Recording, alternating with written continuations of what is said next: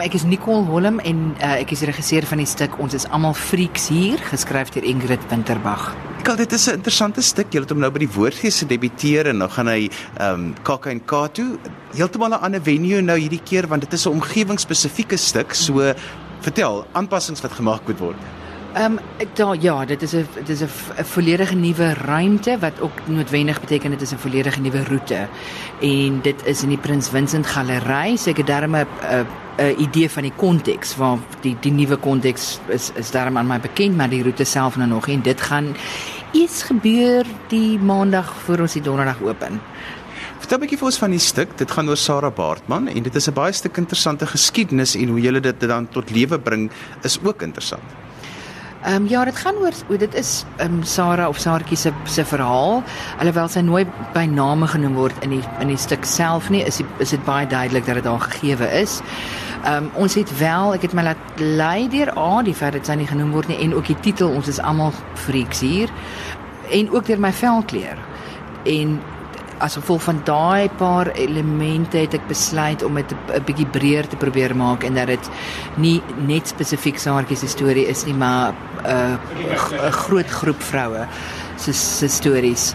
Um en en ook in die sin van dat ja, hierdie daai spesifieke storie het met haar gebeur in 1810 maar dat die 'n soortgelyke storie nog daagliks afspeel. Um en nie net ons land nie maar die hele wêreld deur.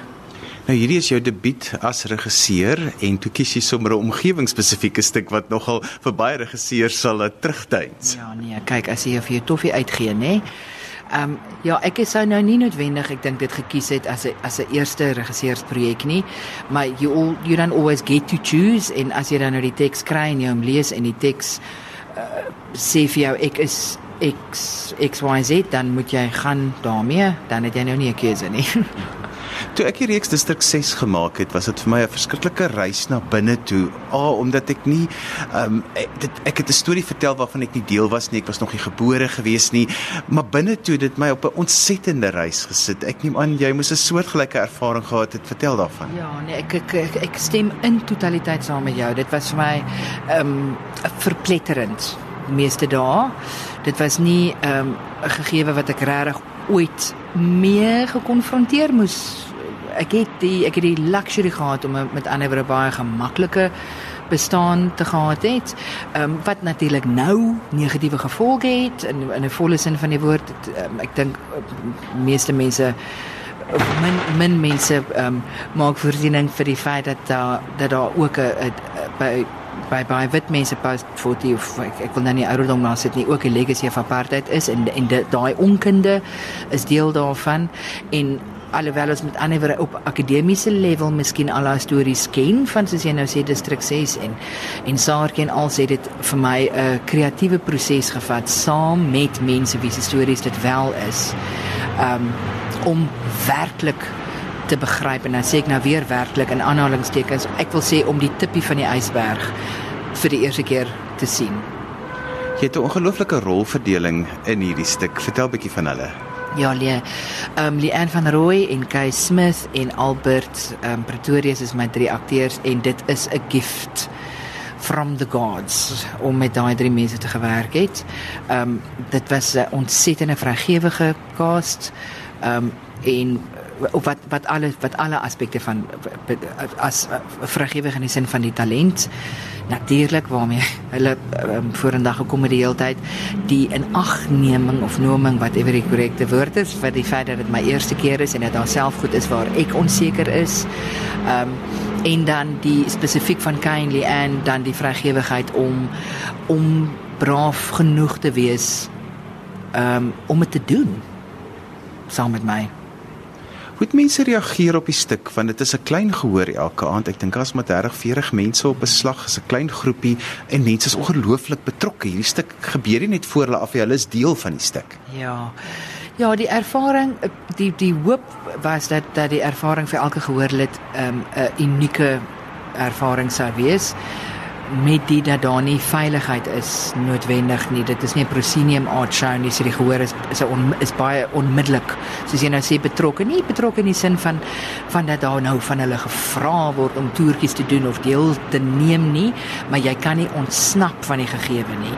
Ehm um, jy jy is um, in die onmiddellike omgewing van die akteurs en van en en jy so die die idee is dat daar 'n mate van aandadigheid wel baie gehoor dit uh, moet wees maar maar dit klink nou weer voorskriftelik so dit is ook nie noodwendig net dit nie. Ehm um, maar ja, ek dink nie dis 'n gemaklike ervaring noodwendig nie. Die ruimte.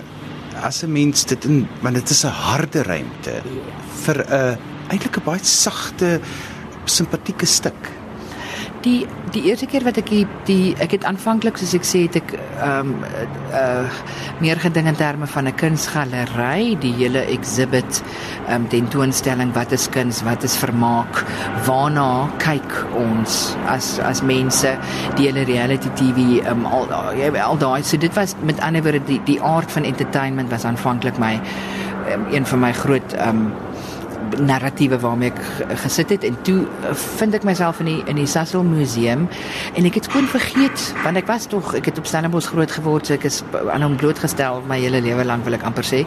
Maar ek het vergeet van die van die ander dele van die van die museum en van die ontsettende patriargale ehm um, dop.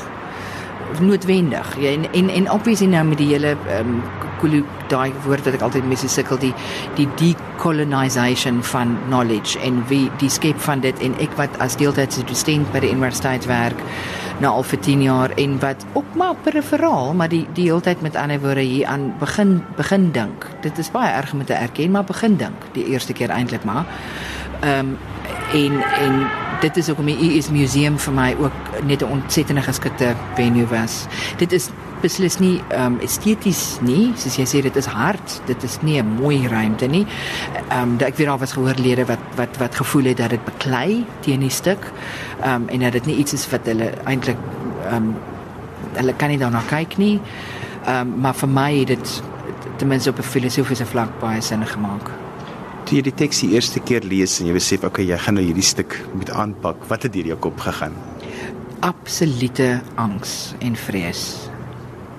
Ehm um, ja, dit is maar primêr die die die die ehm um, so dit is nie eens gedagtes nie, nee, dit is maar net 'n toestand. So ek was maar ek was maar 'n effense verlamde, vreesbevange toestand vir vir 'n paar dae miskien selfs 'n paar weke en dan is dit maar net en dan hoe meer jy hom lees dan begin goed vir jou duideliker raak en en um, dan kry jy idees en En ek wil nie sê dit eintlik is vir my lekker geraak toe ons nou begin werk het aan dit. Met ander woorde toe die akteurs nou bygekom het en ek nou nie meer in isolasie moet sit en my naels afkou nie. Ehm um, maar dit is seker maar soos enige ander werk in die sin van wel just do it. En dan as jy dit begin doen, dan raak dinge duideliker.